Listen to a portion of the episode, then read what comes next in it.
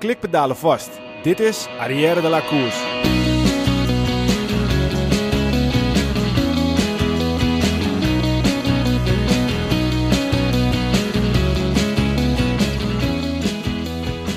Het seizoen is voorbij, maar lullen over wielrennen blijft natuurlijk het allerleukste wat er is. Onze komende podcast gaan over te gekke wielerverhalen vertellen.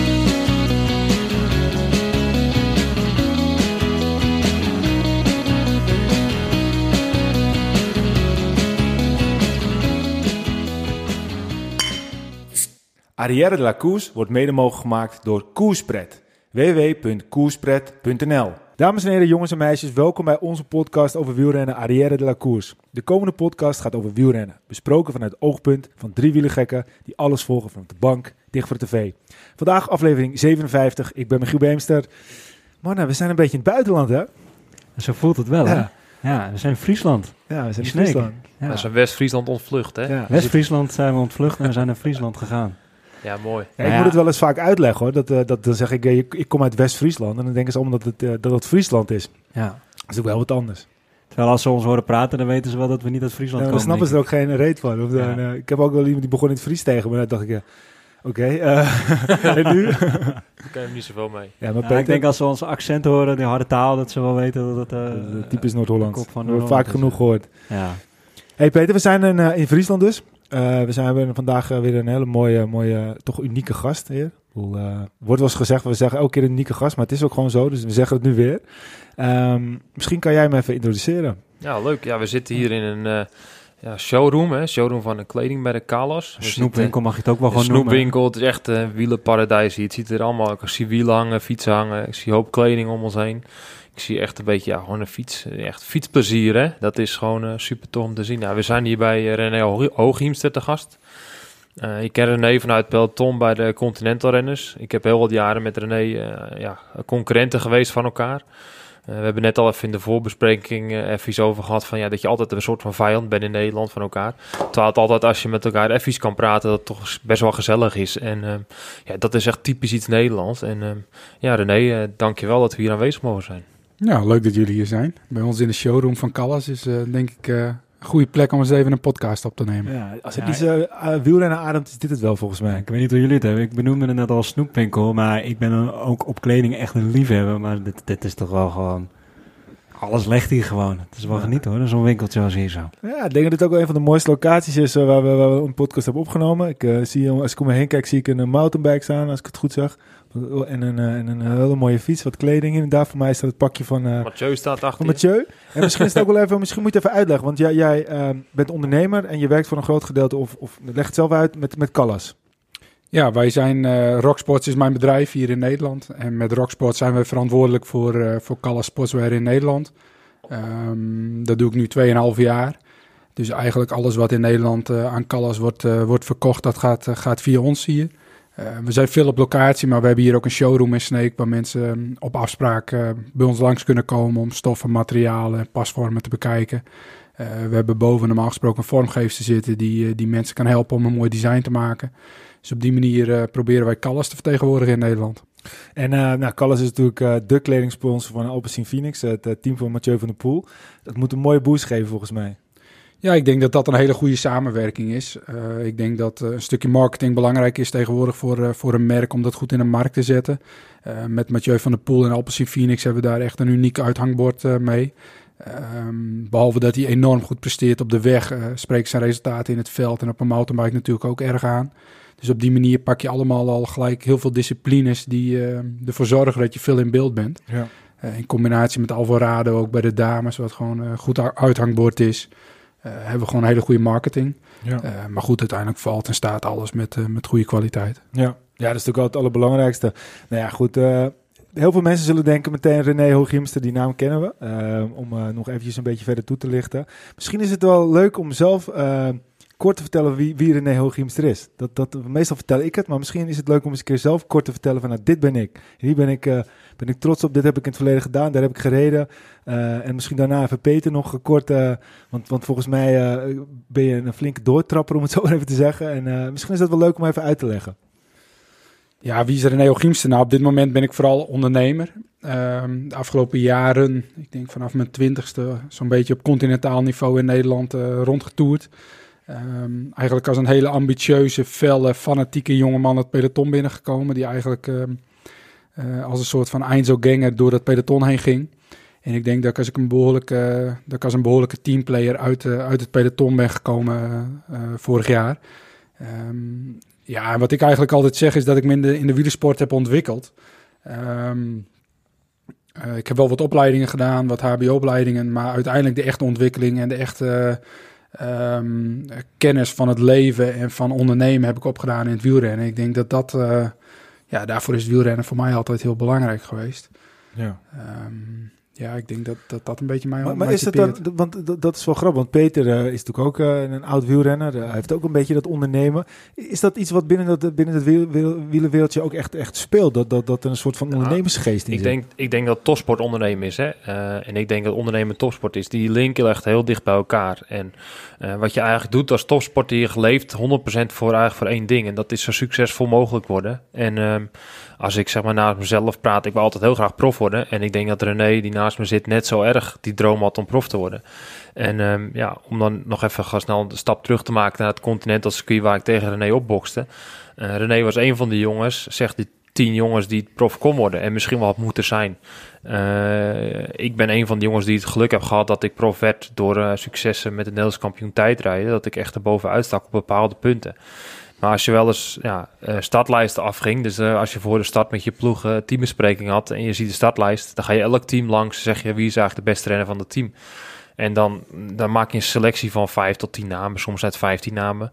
Maar altijd standaard, dan pikte ik René er altijd uit. Zag ik, oh René rijdt ook, jongens, moeten opletten. Want ja, die weet hoe het spelletje werkt, die weet wanneer het op de kant gaat. nou, en zo zijn er nog heel wat jongens gegaan. En dan spreek je eigenlijk nooit naar elkaar uit. Ik heb nooit tegen René gezegd van... hé, hey, ik hou jou in de gaten als ik hier in de stad sta. En dat is eigenlijk wel jaren zo geweest. Dus ja, ik keek ook wel op naar dat gebied, naar René... van hey, uh, dat is een jongen om in de gaten te houden. Die gaat het misschien wel maken. En um, ja, dat is een beetje waar ik mee in vergelijk. En dan zie je ook dat die jongens uh, ondernemers worden... en ook wel succesvol ondernemers... omdat die al ook op hun manier... zoveel mogelijk uit hun carrière proberen te halen. En dat ja, is vind ik wel een mooie vergelijking dat je het maakt. Dus juist omdat je dan net tegen die top aan uh, drukt en net niet, uh, net niet prof wordt, ja. dat je dan juist wel die, die, die, die drang krijgt om, om te presteren en dat, dat, dat koppel je een beetje terug naar het ja, ondernemen. Ja, je, waarschijnlijk is het ook omdat je natuurlijk niet uh, de, de alle, alle, allerbeste bent, dat het aankomt waaien. Jullie moeten natuurlijk ook altijd alles voor jullie zelf regelen. Want dat wordt niet voor je gedaan, dat moet je zelf regelen. Ja, ik denk dat, dat je als wielrenner op een gegeven moment ben je het centrale punt in jouw ontwikkeling, in jouw carrière. En daaromheen moet je eigenlijk een soort van bedrijf starten. Je hebt een fysiotherapeut nodig of een goede masseur, je hebt goed materiaal nodig, je hebt een ploeg nodig. Je gaat eigenlijk een hele team om je heen bouwen.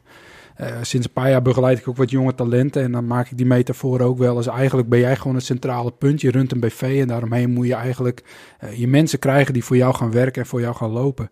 Um, dus ik denk in zoverre dat dat ook heel veel ver, uh, vergelijking heeft met gewoon het dagelijks leven en het opstarten van een bedrijf. Zeker. Ja, ja, dat, dat vind ik mooi dat je dat op die manier zo zegt. Want dat, is, dat heb ik eigenlijk nooit zo bij stilgestaan. Dat, dat, dat, dat, dat een wielrenner natuurlijk uh, wel een team heeft. Maar als je net onder die, die toplaag zit, waar het net even niet goed voor je geregeld is, dat je het zelf moet doen. Je wilt het hoogste eruit halen. En dat je dat dan toch op die manier managt. Je leert eigenlijk managen. Dat is wat ja, ja. een beetje Kijk, wij moeten onze eigen trainingskampen vaak regelen. Uh, ons eigen materiaal. Uh, heen en weer naar de koers komen. Het is natuurlijk anders dan dat je bij Jumbo-Visma rijdt. Um, en dat moet je gewoon voor jezelf zo goed als mogelijk, zo optimaal mogelijk organiseren. Dan gaat het om eten, het gaat om al die kleine randzaken die ja. jij gewoon goed voor elkaar ja. moet hebben. Ja, en ik denk dat wij daar uh, heel gedreven in zijn geweest al die jaren. En daardoor ook de wegen weten te behandelen. Hoe je die doelen toch bereikt op de manier ja, zoals jij ze wilt bereiken. Ja. ja, en niets is gratis, alles kost geld. Dus ook dat komt er dan natuurlijk bij kijken. Hoe ga je het geld bij elkaar krijgen? En dat is dus natuurlijk ook weer een stukje ondernemen. Ja, dat, dat, dat verklaart natuurlijk wel waarom wielrenners uh, vaak ondernemers worden uiteindelijk ook wel. En, en je, je bent nu je bent 34 jaar. Uh, je hebt uh, vanaf 2017 uh, of 2007 uh, onder andere Team Leuwik, Asito, Koga, Team MSP, Koga Cycling Team, Baby Dump, Alecto Cycling Team en, en dit jaar dan een BNS Metal Techniek, een Duits team. Um, je hebt best wel een, een, lange, lange carrière wat dat betreft. Maar ik vraag me wel eens af, want de, de doel is altijd prof geweest. Ja, uiteraard is het doel om prof te worden. Uh, ik weet niet meer precies het jaar dat was, maar dat was bij uh, Koga of Koga Cycling Team dat ik reed. Uh, dat jaar had ik echt wel een paar, paar goede uitslagen. Ik won een rit in Frankrijk. ik werd in wat 1.1 en 1.2 koers in Nederland eindigde ik kort. dat is dan eigenlijk het moment dat je de stap moet maken destijds naar Skill Shimano of Kanselij. Um, dat is mij niet gelukt. En um, ik denk dat dat er ook gewoon in, op dat moment, natuurlijk het zat er wel in.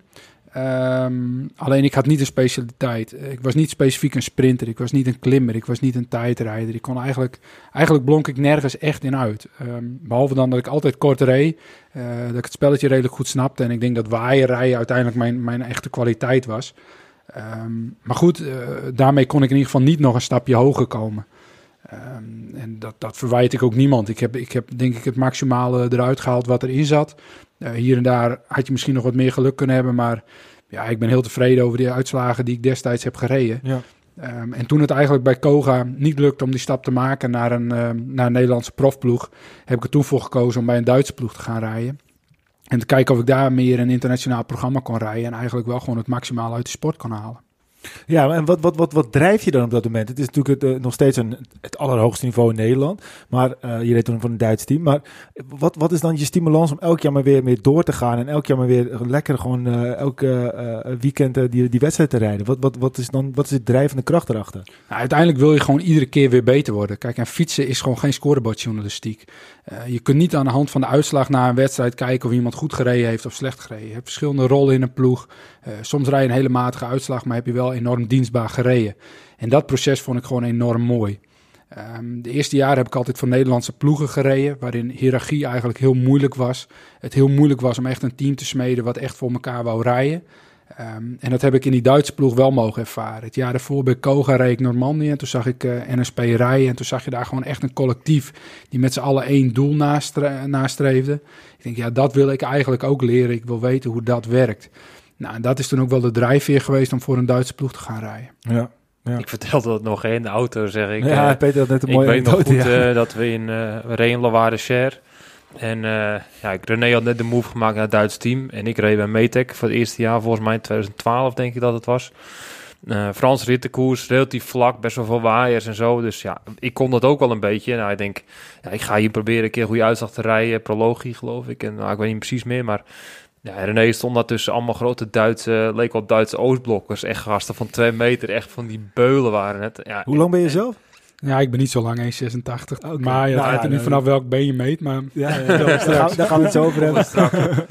nee, maar ik weet nog goed, René, er waren echt grote gasten. En uh, ja, die stonden voor op de startrij. Ik denk, shit, het gaat los vanaf het begin. En die gasten die trekken Waar reed jij toen? Bij, bij Metec? Ik reed bij Metec. Ja, en, maar daar uh, heb ik echt een super mooi verhaal over. Dus ik reed ja. met René en ik weet nog op de waaier, gaat op de kant op een gegeven moment. En ik zie de hele waaier wegrijden. En op een gegeven moment, als mijn herinneringen goed zijn, laat René een gat vallen. En ik word eraf gereden. René die kletst hem zo in één keer terug. Hup, en dan rijdt een waaier weg met zes of zeven man van NSP. Ja. En uh, één renner zat er nog bij van een ander team. En dat was zeg maar de waaier. Dus de reed gewoon... En die won? Was ploegentijd. ja, en zijn ploegmaat, Timo Tummel. Tino Tummel, ja. Die won alle ritten volgens mij. Ja, alle ritten op één na wonnen we daar alle ritten. Maar het was echt... Ja, was, misschien was dat wel het hoogtepunt als, als collectief rijden. Hoe wij daar in Loire-Cher als team reden. En daar waren we ook echt compleet op gefocust om daar te laten zien wat we konden. Omdat er voor het, aan het begin van het jaar was de worst ons voorgehouden dat als wij goed zouden rijden, zou die ploeg pro-conti worden. Okay. Ja, dan gingen we natuurlijk met z'n allen voor. Maar een mooi verhaal aan die koers was wel. Onze ploegleider die kwam voor de stad naar ons toe en die zei, hou Metec maar niet in de gaten, want die hebben met z'n allen staan pissen tegen de kerk. En uiteindelijk waren er die dag heel veel renners van jullie ploeg die een lekker band hadden. Ik, Elmar Rijnen staat me nog bij, die daar lekker reed. En nog een aantal. En wij zaten met z'n allen in de eerste waaier. Dus dat was wel, uh, was wel een mooi verhaal. Ja. Geniaal. Ja, ja, het was echt een super mooie dag. En we hadden daar een ploeg met Tino Tummel, die uh, gewoon een enorm goede sprinter had, uh, sprint had. Uh, maar we hadden daar bijvoorbeeld ook Marcus Foten. die heeft nog de jongere trui in de Tour gereden. Ja. Volgens mij werd hij top 20 eindklassement. En het was een jongen waar je gewoon enorm veel van kon leren. En ik was toen in de jaren 5, 26. Ik had best wel wat overwicht in de ploeg als het ging om waaierrijden. Omdat je daar als Nederlander ja. toch redelijk veel kennis mee had. Uh, maar hij had ook het overwicht om in de finale gewoon even tegen ons te zeggen: jongens, ga even naar de auto, laat je ketting even smeren. Het is een slechte dag. Weet je, dat soort kleine dingen die je dan geleerd worden vanuit een ploeg met ervaring, vanuit een ploeg ja, die ja. rijdt met collectiviteit, met een plan. Um, en aan de andere kant was ik dan weer die Hollander die die Marcus Foten helemaal gek zat te maken. Dat als er weer een bocht uit kwam, dat het links ging en op een kant ging. Ja, want hij was dan eigenlijk wel iemand, een klimmer, die dan eigenlijk wat achter in die waaien bleef hangen. Maar dat kon daar absoluut niet, want dan werd je er gewoon afgereden. Dus ja, op die manier uh, denk ik dat ik een hele goede aanvulling was voor die ploeg. Ja, en die ploeg heeft mij gewoon echt geleerd om strategisch te denken, om vanuit collectiviteit te denken, om niet alleen vanuit eigen belang te denken, maar vanuit een groepsgevoel te denken. Ja, dat was gewoon enorm leerzaam. Niet alleen als renner, maar gewoon ook als mens.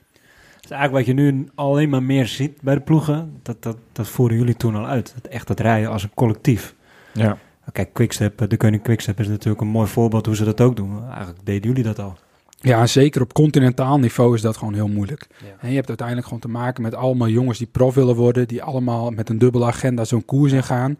En zeg je voor de tijd tegen een jongen, ja, kan wel eens een sprint worden, maar je bent eigenlijk net niet goed genoeg voor de sprint. Help mij. Dan denkt die jongen, ja, maar misschien kan ik dan nog vijftiende worden.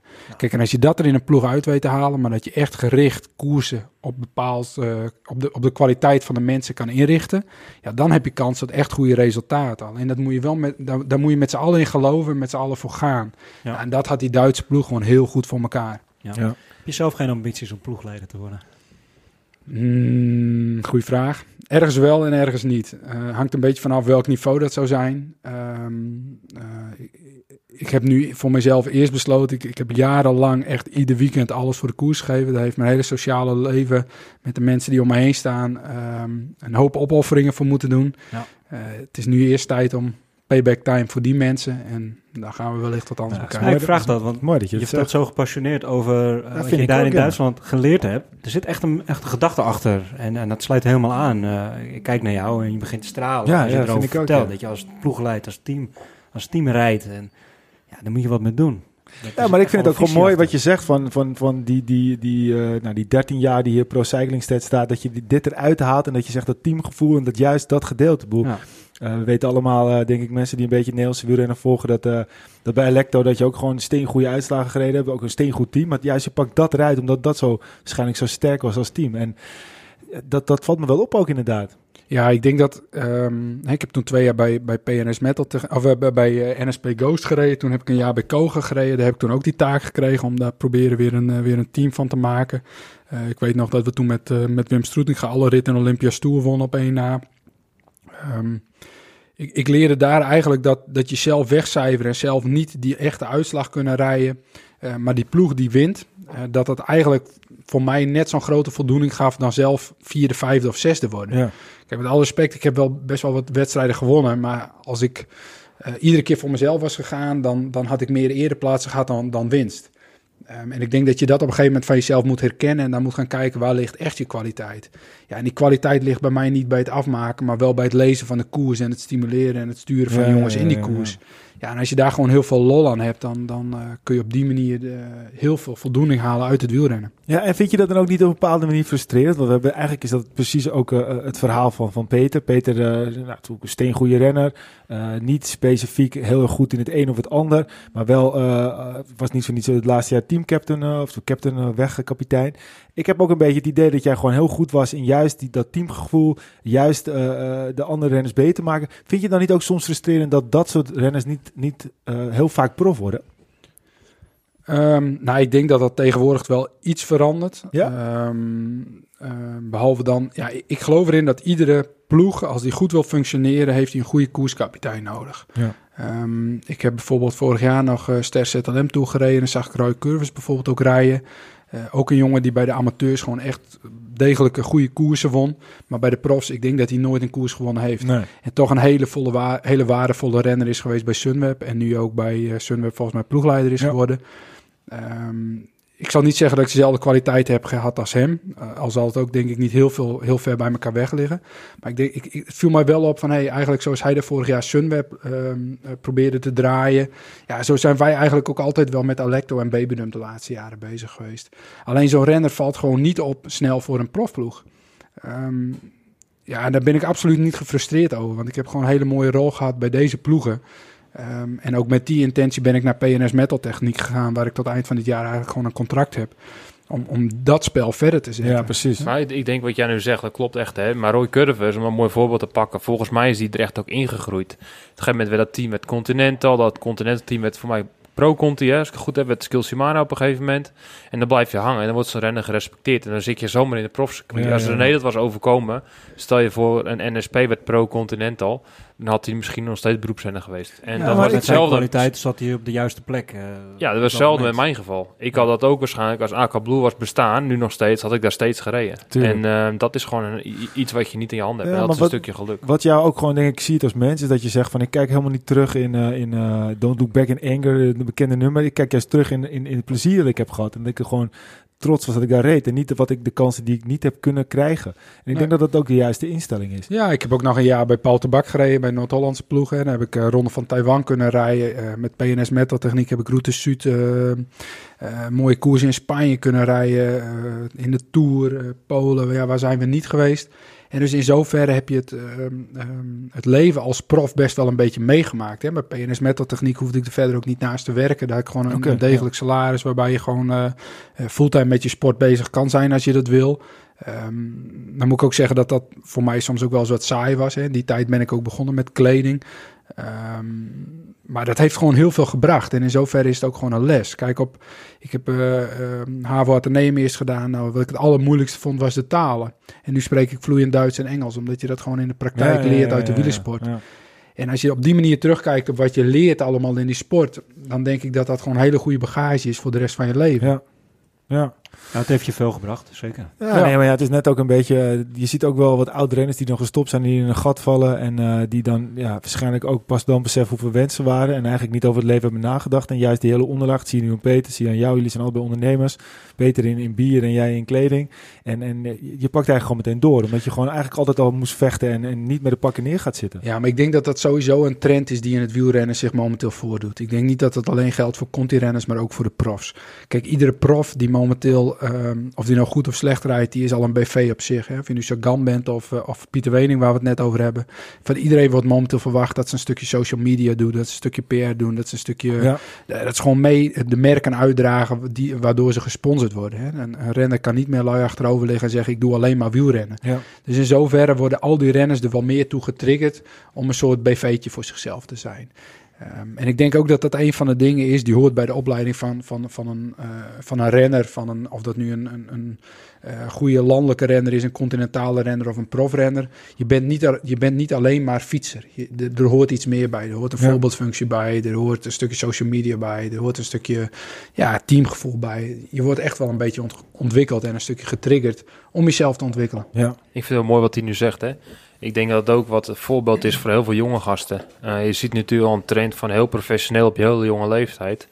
Maar wat René nu ook zegt, eigenlijk zijn hele carrière echt op de top gepresteerd in continental niveau. Maar daarnaast gewoon echt ondernemer geworden tijdens zijn actieve carrière. Want wanneer heb je eigenlijk een soort van eh, een profcarrière opgegeven? Wanneer, bij Koger, je zegt net, ik ga volledig op Wim Soetega eh steunen, support. Had je, was dat ook een moment dat je zegt van nou, eh, het profcarrière, het wordt misschien niks voor mij. Ik ga proberen de allerbeste support te worden en daarnaast ondernemen. Of had je toen nog steeds de droom om prof te worden?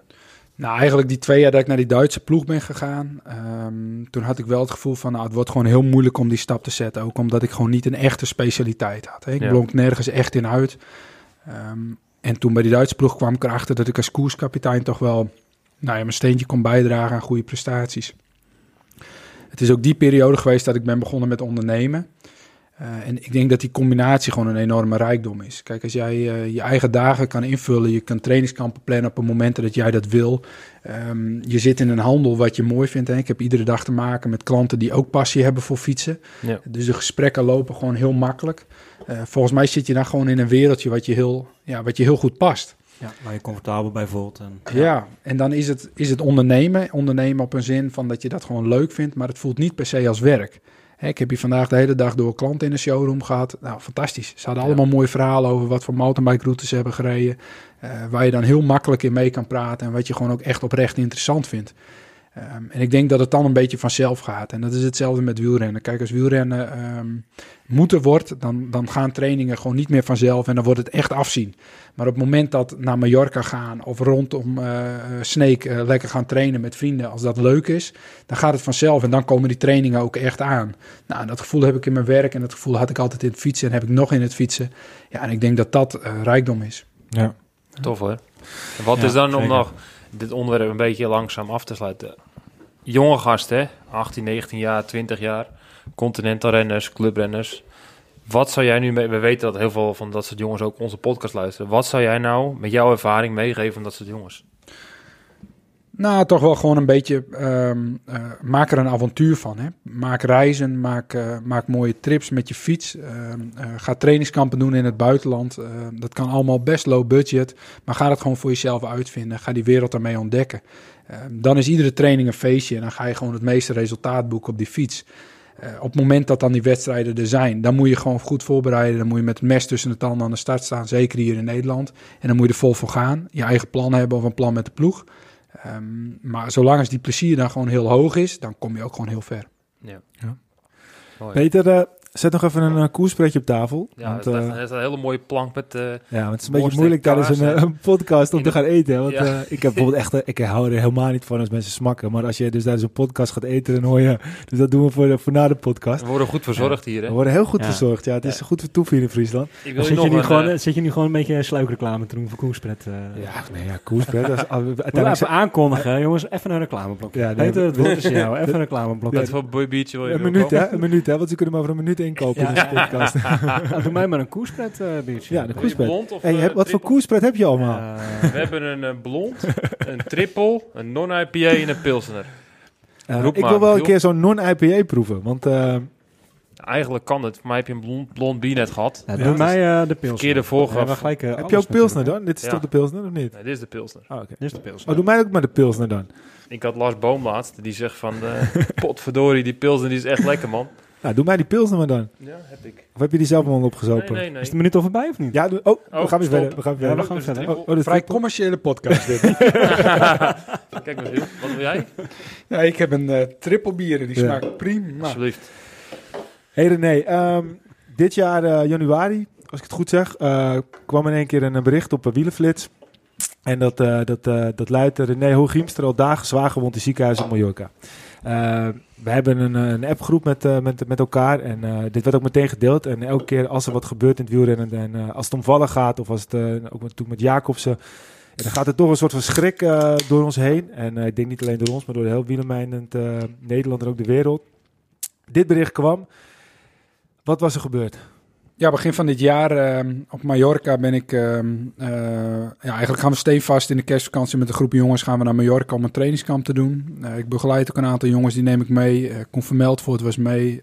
Um, ja, daar hebben we eigenlijk 14 dagen met z'n allen op een hele leuke manier hebben we daar getraind. het was de laatste dag, laatste rit, laatste afdaling van het trainingskamp. Ja, ik reed ehm, achter Aaron de Jong aan... Uh, die best wel een moeizaam trainingskamp had gehad. Kwam als eerste boven op de laatste klim. Ik denk, laat hem lekker vooruit. We gaan de afdaling in. Een afdaling die ik echt al uh, honderdduizend keer heb gereden. Want ik ben echt kind aan huis op Mallorca. En blinde bocht. Komt een busje van de andere kant. Aaron weet hem nog net ontwijken. En het lukt mij eigenlijk niet meer. Ik rem met schijfremmen. Nou ja, jullie weten inmiddels ook wel wat schijfremmen doen. Ik heb met schrikreacties enorm hard ingedrukt. En eigenlijk is die fiets ehm, ja, ik ben de controle over die fiets verloren en ik ben uh, min of meer frontaal op een busje geknald. Zo. Een wit, uh, wit Renault busje. Um, de klap zelf kan ik me niet herinneren. Vervolgens word je eigenlijk wakker uh, terwijl je op het asfalt ligt en uh, die jongens om je heen staan. Dan weet je nog ja. wel goed wat voor busje dat was dan, zeg maar. Dus... Nou, op dat moment niet. Ik heb later de foto's teruggekeken van het ja, busje. Um, dus ik heb nu een, een helder beeld van wat dat busje ja. was. Op dat moment uh, zag ik eigenlijk alleen een witte schim op me afkomen. En uit schrikreactie ja, laat je de rem eigenlijk blokkeren. Ja. ja. ja. Nou ben je een, uh, je bent een sterke gast als je hier zit. Ik, wil, uh, ik, ik, ik, heb ook meteen medelijden met het busje dan. Om toch een beetje... Ja, die bus was totaal los. die was totaal los. Maar, maar, maar we moeten toch een beetje de lacher in houden. Um, wat had je allemaal? Um, ja, op dat moment weet je dat natuurlijk nog niet. Ik lig op de grond en jongens vragen van, nou, hoe gaat het met je? Ik zei, nou, mijn rug is naar de kloot en mijn been is naar de kloten, letterlijk. Maar je was wel echt bij bewustzijn. Dus. Ja. Um, was je heel even weg? Ik ben uh, tijdens de klap weg geweest. Um, en ook daarna is het mij wel heel vaag geworden. Dat was in ieder geval de eerste reactie die ik aan de jongens heb gegeven. Dat ik het heel koud heb, had. Dus die jongens hebben allemaal uh, dekens over me gelegd. Die hebben al hun jasjes over me heen gelegd. Um, de mensen van het busje hadden wat spul bij zich. Hebben de ambulance gebeld. Voor mijn gevoel was die ambulance er echt in een paar minuten. Achteraf bleek het uh, dik 20 minuten te hebben geduurd. Um, de ambulance vrouw heeft mij nog gevraagd om mijn naam te spellen. Dat is eigenlijk het laatste wat ik nog weet. Ehm, ik heb geprobeerd mijn naam in het Engels te spellen, waar ik eigenlijk totaal niet meer uitkwam. en zo ben ik eigenlijk naar het ziekenhuis gebracht. Uh, achteraf wel te verklaren, ik, ik, ik, ben eigenlijk niet echt heel goed bij geweest. Het werd allemaal vrij vaag en vrij schimmig. En dat kwam ook omdat ik twee slagadelijke bloedingen had. Zo. Uh, zowel in mijn bovenbeen als in mijn lies. Um, wat ze op dat moment ook niet wisten, want ik had beenstukken aan. Um, en die beenstukken, die, uh, daar vloeide behoorlijk wat bloed in, maar dat konden ze eigenlijk niet zien. En voor de rest was het ook met name een slagadelijke bloeding intern. Um, en waar was dat dan? Ook in je, in je been? Ja, ik, uh, um, ja, in mijn bovenbeen en in mijn lies had ik, uh, had ik twee slagadelijke bloedingen. Ben naar het ziekenhuis gebracht. En daar, heeft, daar ben ik eigenlijk diezelfde middag nog geopereerd aan de bloeding aan het bovenbeen. Ja. later die middag bijgekomen. En uh, contact gezocht met familie, althans het had Koen vermeld, wordt ook al gedaan. Uh, die heeft het verschrikkelijke bericht naar mijn, uh, naar mijn vriendin in ieder geval doorgebeld. Um, ja, op dat moment zit je in een rollercoaster. Je, weet, je krijgt, ik, ik kan nog heel vaag beelden van die dag herinneren. Maar eigenlijk weet je, weet je bij God niet wat je gebeurt. Wat, wat, misschien is de hele, hele... Je zegt ook eigenlijk, gaf je het andere tal, ik weet niet wat het maar... Weet je, weet je nog wat er door je heen ging? Dat je, dat je, was, was, er, was er angst of was er iets van, oké, okay, het is gebeurd? Of wat, wat, wat was het gevoel? Nou, ik heb in de ambulance twee dingen gedacht. Eén ehm, ding is, eh, ik, ik, ga nooit meer koersen. En niet omdat ik niet meer wil koersen, maar omdat ik dacht dat dat er nooit meer in zou zitten. En het tweede was dat ik ooit mijn vriendin weer terug zou zien. Zo. Ja, dat zijn de twee dingen die ik toen heel erg heb gedacht. Heb je dat ook later, heb je dat ook later meteen aan je, aan je vriendin medegedeeld? Of? Ja, ze weet ervan. Ja. Wat voelt ze daarvan? Want dat lijkt me echt wel... Nou ja, het is natuurlijk gigantisch heftig. Um, ik heb die, die, de rest van de dag heb je, uh, ja, leef je eigenlijk op adrenaline en op, ja. uh, op, op, op pijnstilling en, en morfine. ik heb die avond nog een, nog een soort van kusselfie naar mijn, naar mijn vriendin gestuurd. Dus ja, die foto hebben we ook. Je ziet dat ik helemaal high ben. Um, dat zal of vlak voor, vlak, nee, vlak voor de operatie zijn geweest naar de, van de slagadelijke bloeding. Um, die avond heb ik nog wel wat contact gehad ook met mijn familie. Ik heb nog heel even met mijn vriendin uh, gebeld. En um, um, ja, die zijn de andere ochtend ook gelijk in het vliegtuig gestapt en naar, uh, naar Mallorca gevlogen. Dus de andere ochtend om negen uur stonden ze bij mij op intensive verkeer. Ja. Zo man, kippenvel gaat over mijn lichaam. Als ik erover nadenk. Dan ja. Maar je mag nog steeds fietsen, dus ze vindt het nog steeds leuk het fietsen. Ja, zeker. Het fietsen is, is, is, is, verder geen probleem. Alleen met het letsel wat je destijds gehad hebt en de beperkingen ja. die je daar nu in hebt, uh, ja, is koersen wel, uh, wel heel ver weg. Ja. ja, want we gaan wel we gaan even een stapje meteen te ver. Want je, je lag in het ziekenhuis daar, je bent in een vreemd ziekenhuis. Uh, ja, goed, ik neem aan dat, dat er wel dat de communicatie redelijk goed is. Of, of misschien niet. Nou ja, je ligt twee weken op intensive care. Het is, het is een battle. op een Ehm, eiland, waar misschien toch de kwaliteit van het ziekenhuis wat minder is? Of? Nou, ik heb, ik heb enorm geluk gehad. Uh, het schijnt dat er twee ambulances naar het ongeval zijn gereden. Uh, en dat de ambulance mede bepaalt in welk ziekenhuis je terechtkomt. Ik ben in een privé ziekenhuis terechtgekomen waar ik gewoon enorm goed ben opgevangen. Het was gewoon een professioneel ziekenhuis.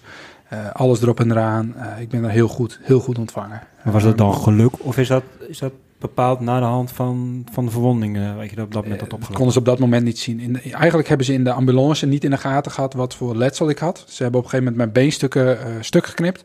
En daarin zagen ze dat er hele stukken huid rondom mijn uh, knieholte weg waren. Um, die, hebben ze dan, uh, die foto's heb ik later gekregen. en die hebben ze doorgestuurd naar het ziekenhuis om wel aan te geven dat het wel echt serieus letsel was. Ja. Um, maar op dat moment denk ik dat ze in de ambulance nog niet in de gaten hadden hoeveel letsel ik eigenlijk daadwerkelijk ook had. Dus je hebt eigenlijk heel veel geluk gehad dat je op die plek bent terechtgekomen in plaats van op de andere plek, andere ziekenhuis. Hebben, ze, hebben ze op, op een bepaald moment uh, uh, voor je leven moeten vechten? Ja, ik denk dat ik heel dichtbij ben geweest. Ja? Nee, ik heb, uh, nou ja, wat ik zei, twee slagadelijke bloedingen. ik heb daar twaalf zakken bloed voor gehad. Zo. Um, wat ik heb begrepen van de artsen is... Um, sowieso met de slag, slagadelijke bloedingen overleef je het maar een, een, een aantal minuten. Ik heb daar 20 minuten gelegen en dan nog de rit naar het ziekenhuis. En op dat moment wisten ze ook nog niks van een slagadelijke bloeding. En dan zijn ze pas in het ziekenhuis achtergekomen. Dus een niet sportend mens die niet veel zuurstof in zijn bloed heeft en die niet nou ja, deze klap enigszins kan opvangen met de core stability en de kracht die je hebt. Wat ik heb begrepen, zou die dit nooit hebben overleefd. Uh, dat, daarmee wil ik er niet een heldenstatement aangeven, maar... Nee, helemaal niet. Ehm, helemaal ik denk dat dat wel, wel, wel, uh, wel iets zegt over de, ja, het letsel wat daar op dat moment was. Sta je door die klap nu, nu anders in het leven als in dat, dat, je, dat je de kleine dingen meer waardeert? Ja, het wordt langzamerhand wel weer wat gewoner, maar zeker in het begin um, um, ja, is ieder, iedere paardenbloem die je langs de weg ziet, is fantastisch. Ja? Ja, ja. Kijk, eerst ben je natuurlijk... Ik heb twee weken op intensive care gelegen op Mallorca. Um, op dat moment ga je eigenlijk gewoon van... ja, je, je, komt van jezelf in een soort van overlevingsmodus. En ook wel een beetje in een soort van topsportmodus. Hè? Uh, wij zijn eigenlijk denk ik gewend om de hele tijd doelen te stellen en naar die doelen te leven. Mijn eerste doel was om ervoor te zorgen dat mijn lichaam weer stabiel was. En ik noem het een doel, terwijl je er maar heel beperkt invloed op hebt. Want uiteindelijk bepalen die artsen daar gewoon met de verpleging wat er wel en niet gebeurt. Maar dat was het eerste doel. Ik had twee slagadelijke bloedingen. Daar ben ik op dat moment twee keer aan geopereerd. De eerste keer op de dag zelf en de tweede keer volgens mij drie dagen daarna. Toen hebben ze pas mijn bloeding ontdekt in de lies. Uh, maar zolang als je bloeding hebt, ben je ook niet stabiel. Uh, dus moest ik ook de hele tijd weer nieuw bloed aangeleverd krijgen. Nou ja, dat zorgt ervoor dat je op bepaalde momenten heel scherp bent, maar op dat bepaalde moment ook heel wazig bent. Uh, los van die twee slagadelijke bloedingen had ik natuurlijk een totaal verbrijzeld bovenbeen. Uh, mijn bekken is op drie plaatsen gebroken. Mijn onderrug is gebroken en ik had twee nekwervels gebroken. Er waren zes ribben stuk. Mijn lever was stuk. Uh, ik had twee ehm, plekken waar, nou ja, mijn plaats, nee, de plek op mijn, op mijn kuit was compleet door je huid. En ik miste een heel stuk huid onder mijn knie. Dus je hebt gewoon heel veel letsel. Alleen de eerste prioriteit is om stabiel te worden. Um, en om te kijken of je geen uitval had. Uh, mijn onderste wervel, er, uh, wervel L3, die, was, uh, die is verbrijzeld. En, of verbrijzeld, die is eigenlijk een soort knijptankbreuk. En die was verplaatst, verschoven. Dus die hebben ze daar eigenlijk al binnen een paar dagen geopereerd. En hebben ze twee platen en tien schroeven in mijn onderrug gezet. Dus ik heb vijf wervels aan elkaar vastzitten. En dat is op dit moment nog zo. Het is mij nog steeds een raadsel waarom ik geen dwarslesie heb.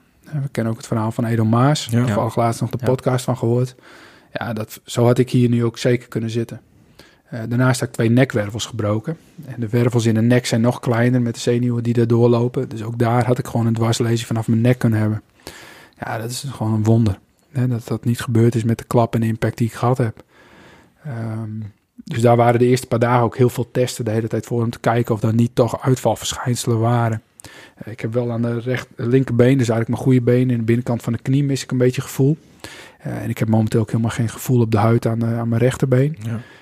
Door alle verwondingen die daar hebben gezeten. Uh, maar dan ga je langzamerhand natuurlijk wel zien wat voor, wat voor letsel je eigenlijk allemaal hebt en wat voor traject het allemaal wordt. Maar vertelde ze het wel of, of, of had je eigenlijk niet, lieten ze niet uh, alles, alles aan je doorschemen dat je, dat je niet wist waar, waar, ze bang voor waren? Nou, in principe brachten ze me wel echt op de hoogte, zeker ook toen mijn familie er was, van wat, wat precies het letsel was. Uh, ik had ook gelijk eigenlijk binnen een paar, ja, volgens mij dezelfde dag of de dag erna had ik al een stellage rondom mijn been. Een complete fixateur van onder naar boven met stangen rondom mijn been. Zodat ze alles konden fixeren. Dat het been eigenlijk niet nog meer kon bewegen. Uh, nou ja, die open wonden heb ik, zag ik natuurlijk ook wel. Uh, van mijn onderrug heb ik eigenlijk in die periode niks gevoeld. Want daarvoor had ik veel te veel pijnstilling. Maar ik kon absoluut niet draaien op het bed. Dus ik lag eigenlijk gewoon de hele dag gewoon op mijn bed. Uh, op intensive care met allemaal slangen en apparaten. Um, maar goed, ik, ik, ik had geen hersenletsel.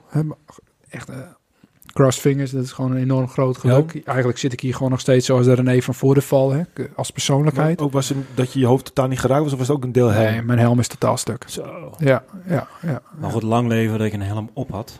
Ja, sowieso. De, mensen die nog zonder helm rijden, dat is echt kansloos. Ik bedoel, dat, ik bedoel, heel even kort natuurlijk, we hebben het er heel vaak over gehad. Dat mensen altijd met een helm moeten rijden. Maar dit is wel weer even een bevestiging dat je altijd je helm op moet hebben. Ja, sowieso. Ik, ik fiets nu weer buiten en uh, ik, ik zeg vaak genoeg tegen jongens waarmee ik fiets, geef me af, alsjeblieft een karretje achter mijn, achter mijn fiets met allemaal helmen en ga ik ze uitdelen. Want het is gewoon absurd dat er nog zoveel mensen zonder helm rijden. Nee, dat is, uh, gaat nergens ding is dat het, dat het absoluut niet stoer is. Nee, zeker niet. Maar goed, ze mogen mijn been bekijken en dan vragen of het stoer is om zonder helm te rijden. Precies, precies ja. Heftig man. Ja, dus dan is twee weken intensive care. Uh, waarin je compleet afhankelijk bent van, uh, van de verzorging en de mensen om je heen die daar zijn. Uh, familie, verpleegkundigen, de artsen. we hadden een talk, een Belgische vrouw, die iedere, iedere dag tussen de middag bij ons kwam om te vertellen, samen met de arts, wat de status was, wat de situatie was. Um, ja. ja, dat was ook de vraag die mij, hoe ging de communicatie uh, in het ziekenhuis? Ja, was in het begin zo heel moeizaam. Hè? Je kunt eigenlijk in het Spaans, uh, maar ik, ik kan geen Spaans, uh, ondanks dat ik veel in Spanje ben geweest. Engels is prima, Duits is prima, maar Spaans is gewoon, dat is er niet. Dus dat maakt het op zich best wel moeilijk. Maar goed, de intenties van die mensen daar waren gewoon enorm goed. Ik, ik, begreep ook al wel snel dat het wel een speciaal geval was, hoe ik daar lag en wat er met mij gebeurd was. Ook de, het ambulancepersoneel is nog speciaal bij mij teruggekomen in het ziekenhuis. Heb ik nog uh, de foto's van, uh, van gekregen van hoe mijn letsel in de ambulance was. Dus dat, nee, die mensen waren onwijs uh, meewerkend en wouden van alles voor mij doen. Maar echt goed met ze communiceren ging niet. Uh, plus dat je op intensive care lag waar, lag, waar gewoon best wel hoge werkdruk was. Dat merkte je gewoon aan alles wel. Ja, dan ben je compleet overgelaten aan die mensen. Ja. En, en, en wanneer uh, kreeg je het gevoel van hier ga ik uitkomen? Direct. Direct. Meteen, ik ga eruit komen. Ja, sowieso. En dat heeft je, heb je dan ook het gevoel, want sommige mensen hebben... Kijk, het lichaam is, is een vreemd iets. Er is nog lang, lang niet alles bewezen over wat een, het, het mentaal op het lichaam kan doen. Heb je het gevoel dat dat geholpen heeft? Nou, waar ik in geloof is dat wij uh, als topsporters, en zeker vanuit de wielersport, ben je continu bezig om toch weer te overleven. Um, of, of, of, weer een stukje verder te komen. Overleven klinkt wel heel zwaar, uh, maar in een koers geldt dat ook. Ik denk de jongens die in een koers negatief denken, zullen nooit niet ver komen. Uh, de jongens die iedere keer weer een lichtpuntje zien, die komen iedere keer weer verder in de koers. En die ervaringen die je gewoon van jezelf meekrijgt vanuit het wielrennen, die hebben hier enorm in geholpen. Ja. Het is een beetje als je gelost wordt vanuit de eerste waaier naar de tweede waaier het, is bijna, het komt niet heel vaak voor. Het komt wel voor dat je terugkomt met de tweede waaier. Maar het komt alleen als je hard doorvecht. En waaierspecialisten zoals René en ik hebben allebei dat wel meegemaakt. Dat je net de waaier mist of dat je net wel of niet er zit. En dat het toch moet door blijven vechten om dan weer terug te komen. En dat is, ja, ik denk met dit soort situaties is het een beetje hetzelfde. Je geeft nooit op totdat je het opgegeven is eigenlijk. Ja. Ja. Nou, wat, wat, wat mij heel erg hielp is gewoon om van punt naar punt te leven. Hè. Dus het eerste doel voor mij was om stabiel te worden met de bloedingen. Zodat je gewoon uh, uh, de volgende stap kon zetten. Nou, de volgende stap was dan uh, op het moment dat ik stabiel was, dan kon ik een transport naar Nederland regelen. Um, dus toen ben ik met Eurocross, die daarover gaat, ben ik in contact geraakt. En hebben ze een privéjet voor mij geregeld met, die uit Luxemburg kwam naar, naar Mallorca. Ben ik met privéjet, twee piloten, twee artsen, ben ik terug naar Nederland gevlogen. En hoeveel tijd, hoeveel weken is dat? Uh, is dat uh, ik heb twee weken op intensive care geweest. Heb je het zelf geregeld? Ja. En toen mocht je meteen, na twee weken mocht je naar Nederland uh, vervoerd worden? Ja, ben ik dus met privéjet van Mallorca naar, uh, ja. naar Eelde gevlogen. Van Eelde met een ambulance naar, uh, naar, naar Leeuwarden. Ja. En zo'n privéjet, dan ben ik echt dus liggend op het brancard. Ben ik eerst in ambulance gebracht naar het vliegveld. Dan word je op die brancard, word je een vliegtuig in gereden, gehezen. Uh, door een heel smal deurtje omhoog en dan ga je liggend uh, vliegen naar Nederland. Ja. En is dat dan de ondernemer die in je zit die denkt van, nou, dat ga ik zelf even regelen? Nou, ik weet niet of dat per se de ondernemer is. Uh, dat is ook gewoon, denk ik, min of meer hoe het werkt. Het was wel zo dat je moet met, met wat verzekeringsmaatschappijen contact hebben. Daar heeft mijn vriendin ook bij geholpen. Die, mijn vriendin en mijn moeder zijn eigenlijk de andere dag gelijk naar, naar Mallorca gevlogen. Mijn vader een week later. Um, die hebben mij er ook wel een beetje in geassisteerd. Maar ja, op, op die manier ben je wel bezig met van nou, waar kan ik terechtkomen? Uh, vanuit, uh, vanuit Mallorca is een uitvraag naar Nederland gegaan, naar de ziekenhuis, van wie kan deze patiënt hebben? Um, daar komt dan weer een netwerk om de hoek. Uh, een, een, arts van het MCL uit Leeuwarden is klant bij mij hier in, bij Callas. En die, die wil mij heel graag hebben, Rijn de Haan. Um, dus die heeft die uitvraag beantwoord en heeft gezegd: de jongen kan hier komen. En dan gaan wij met hem verder aan de slag. Um, dus, dus ik denk dat een stukje netwerk en uh, nou ja, misschien een stukje geluk en, en, en, een stukje, ja, ik was wel heel bewust bezig om dingen te gaan regelen, om weer uh, stappen ja. te kunnen zetten. Ja. En hoe zag het twee weken intensive care in Nederland, hoe zag, wat, wat, wat, wat voor traject ging je toen in? Nou, kijk, intensive care was heel heftig. Um, uh, in Nederland kom je dan in een situatie waarin je um, de volgende doelen gaat stellen. Um, ik ben in Mallorca ben ik drie of vier keer geopereerd. En dan ga je in Nederland, waren de, was eigenlijk, ik had uh, een fixateur om mijn bovenbeen om het stabiel te houden. Mijn uh, onderrug was al gefixeerd. Ik had een, een, een, een gigantische nekkraag om, om mijn nek stabiel te houden. Um, de volgende stappen in Nederland waren eigenlijk om de, om, om de huid te vervangen. Dus de, de plaatsen waar ik geen huid had of de huid die, die dood dat was. was nog steeds open? Ja, ja, ja. Dus ik heb uh, in Nederland was de eerste stap was om uh, huidtransplantatie te doen. Ze hebben huid van mijn linkerbovenbeen afgehaald en die hebben ze op mijn uh, rechterkuit en in mijn rechterknieholte geplaatst. Ik denk dat dat een uh, week was na aankomst in Nederland. Want je wordt eerst in quarantaine geplaatst omdat je wellicht bacteriën meeneemt vanuit een buitenlands ziekenhuis. Dus dat was de eerste stap weer. zorgen dat je geen bacteriën had. Nou, de volgende stap was dan om die huidtransplantatie te doen. als die huidtransplantatie goed zou verlopen, dan zouden ze wat kunnen gaan doen aan mijn bovenbeen. Op dat moment nog niet weten wat. Ja, zo ben je eigenlijk stapje voor stapje dat traject aan het doorgaan. Um, toen die huidtransplantatie enigszins gelukt was, konden ze gaan kijken wat ze met mijn bovenbeen konden doen. Toen hebben ze een externe fixateur geplaatst. Dat waren eigenlijk pennen door mijn uh. Dat is het blok boven je knie. Uh, en pennen in mijn uh, bovenbeen geschroefd. Om eigenlijk een soort extern, dus, een, dus buiten je huid, een soort versteviging te maken. Waardoor die breuken um, op zijn plaats blijven. En dat het eigenlijk daardoor rust zou moeten krijgen. Nou, dat, al, dat heeft al met al ook een paar weken geduurd dat ik, dat ik in het MCL lag. in Leeuwarden. Ehm, veel morfine, veel pijnstilling. Ik had onwijs veel pijn. Uh, ik, zou zeker die tijd niet door zijn gekomen zonder pijnstilling. Ja, en toen dat, dat er eigenlijk om zat, was het wachten van gaat dit botgroei opleveren? Nou, met die gedachte ben ik toen naar een revalidatiecentrum gegaan in Haren. Um, nou ja, daar begin je dan een beetje te trainen. Dan krijg je wat, uh, wat loopscholing. Maar ja, dan moet je niet te veel, voorstellen. Want het is uiteindelijk uh, in een brug lopen op één been. Want het rechterbeen kan absoluut niet belast worden. Of een beetje proberen met krukken te, te werken. Uh, ik leerde daarom in een rolstoel te komen. zelfstandig vanuit, vanuit bed in een rolstoel te komen. Had ik allemaal apparatuur voor om erin te komen.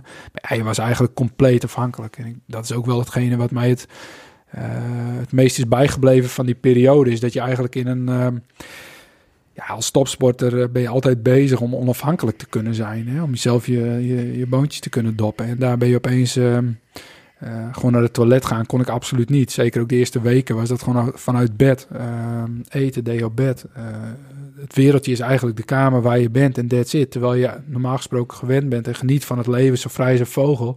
Van Mallorca tot Nederland of waar we ook maar heen gaan. Om alles voor jezelf te ontdekken en zelf je routes te bepalen. Ja, dat was natuurlijk een enorme omslag. Ja.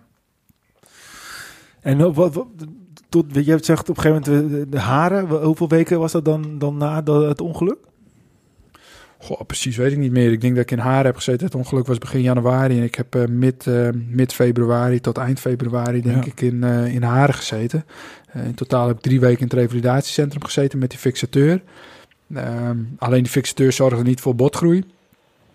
toen ben ik teruggegaan, op een gegeven moment contact gezocht met de arts. Van ja, dit schiet niet op. Ik heb te veel pijn van die fixateur. Want het ging rondom die ja, die, die pennen waren eigenlijk gewoon in je bot geschroefd en gingen dan naar buiten. En op die plaatsen ja, zit eigenlijk je huid komt een beetje om die pennen heen. Ja. het ging ook allemaal wat ontsteken. Dat was gewoon op een gegeven moment niet fijn meer. Hij had onwijs veel pijn aan. De arts opgebeld. Hij zei, nou kom maar terug. We gaan kijken wat er aan de hand is. Toen hebben ze een scan gemaakt. Er was eigenlijk gewoon nul botgroei te zien. Ehm, toen, heeft hij, uh, toen is die fixateur er weer uh, operatief om verwijderd. De huid uh, de huidaanmaak van, van zeg maar de donorhuid, dat was wel uh, goed aangehecht. Dus dat was wel positief. Uh, toen hebben ze de fixateur verwijderd. Um, en hebben ze het been tien dagen in het schip gezet. Um, dat was de eerste periode dat ik weer thuis was geweest. dat Zo. was ehm, begin maart. Ja, dan ben je dus eigenlijk van 9 januari tot begin maart. Dan kom je eigenlijk hier voor het eerst weer thuis op je eigen bank. Maar je kunt eigenlijk nog niks. Je leeft vanuit een rolstoel.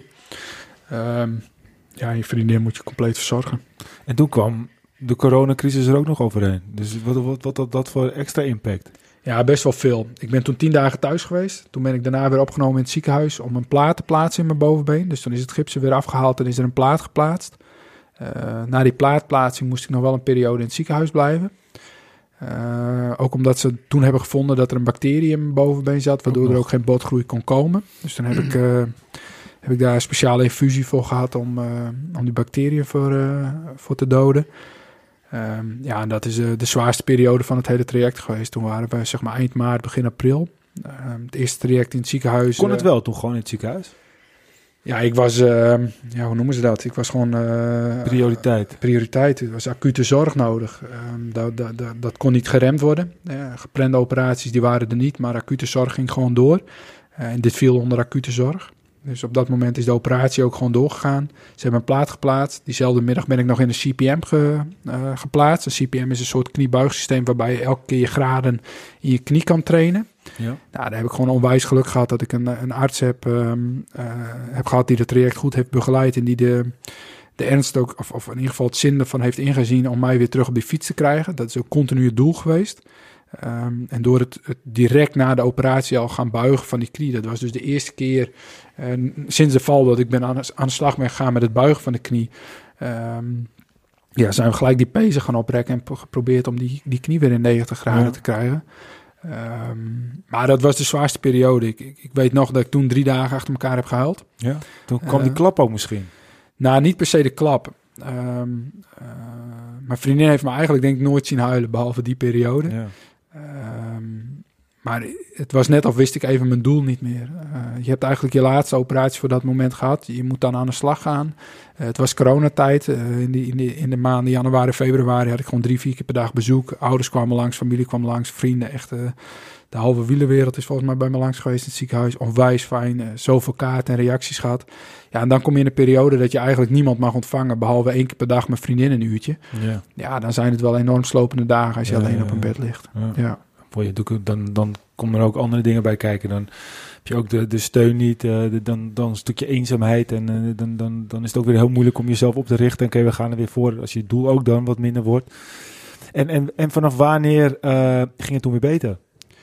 Um, nou, wat ik zei, ik heb toen drie dagen gehuild. Echt absurd. Ik heb toen met mijn Duitse trainer gebeld. Um, die zei ook, René jongen, je komt eerst op een diepste punt. Maar dat is dan wel het punt waar je ook weer uh, uh, omhoog kan kijken. Nou, ik weet zeker dat dat mijn diepste punt is geweest. En heb ik op dat moment ook heel veel steun gehad. Gewoon aan, aan, aan, ja, aan de ploegleider van de Duitse ploeg. die ik ook van trajecten eerder goed kende. Ehm, maar ook van familie en vrienden onwijs veel steun gehad. Um, ik had toen een bacterie. Die bacterie moest, uh, ja, die moest gedood worden, want dan kon de, kon de botgroei weer, uh, weer beginnen. Uh, het moment dat ik toen te horen kreeg van nou, je mag naar huis, we gaan een soort mobiel infuus voor je maken, zodat je thuis verzorgd kan worden met, met thuiszorg. Ja, dat was het moment dat je dan ineens weer het licht ziet en denkt, hé, hey, ik, ik, ik, kan naar huis. Ja, ja, Nou, dat is dan zo'n onwijs grote stap. Dat, dat, is, dat is bizar. Ja. dan ga je echt met tranen in je, in je ogen, stap je hier de steeg door en klauter je die trappen weer op. Kijk, ik, ik kon überhaupt niet traplopen, dus mensen moesten mij omhoog tillen. Maar dan ben je al ja, als een kind zo blij dat je voor het eerst weer thuis bent. Ja. En dan, dan, dan heb, je, heb je die stap gedaan. Nou, zoals je nu uh, hier zit, uh, vitale jonge kerel. Um, hoe is dat traject geweest? Um, nou ja, ik kwam natuurlijk thuis in de coronatijd. Dat was ook de tijd dat de lockdown er in Nederland was. Dat is ook de reden waarom ik niet terug kon naar een revalidatiecentrum. Wat dus betekende dat ik eigenlijk mijn revalidatie zelf moest doen. En dat heeft mij enorm gesterkt. Uh, in het revalidatiecentrum hebben ze me echt onwijs goed opgevangen. Maar dan moest je uh, eigenlijk bewegen volgens de regels van het, uh, van het, het centrum daar. Wat gewoon prima is. Ehm, maar ik heb een vriend van mij gebeld, Hendrik Valkenaar. Die heeft hier een fysio, fysiopraktijk in, in Sneek. Die moest zijn praktijk in die periode sluiten. hij was ook al een paar keer bij mij in het ziekenhuis geweest. En gewoon enorm begaan met mijn situatie. Ja. En die heeft gezegd, nee, ik ga jou helpen. En die is vanaf dat moment iedere dag zes keer in de week en soms zeven keer in de week, uur tot anderhalf uur hier bij mij in, uh, in Sneek, bij mij boven geweest. Uh, hij heeft hier een massagebank neergezet. Uh, we hebben op een gegeven moment, ja, de woonkamer was een half trainingscentrum. Uh, en van, vanuit die uh, situatie zijn we begonnen. Uh, want een trap op en af kon ik niet. laat staan naar zijn fysiopraktijk komen. Dus hij kwam iedere dag gewoon hier bij mij. Af en toe nam hij zijn kinderen mee. we zijn zelfs een weekendje met z'n allen naar Ameland gegaan. Dat hij meeging met zijn vrouw en kinderen en mijn vriendin. Ja, ja, en dat we daar gingen trainen.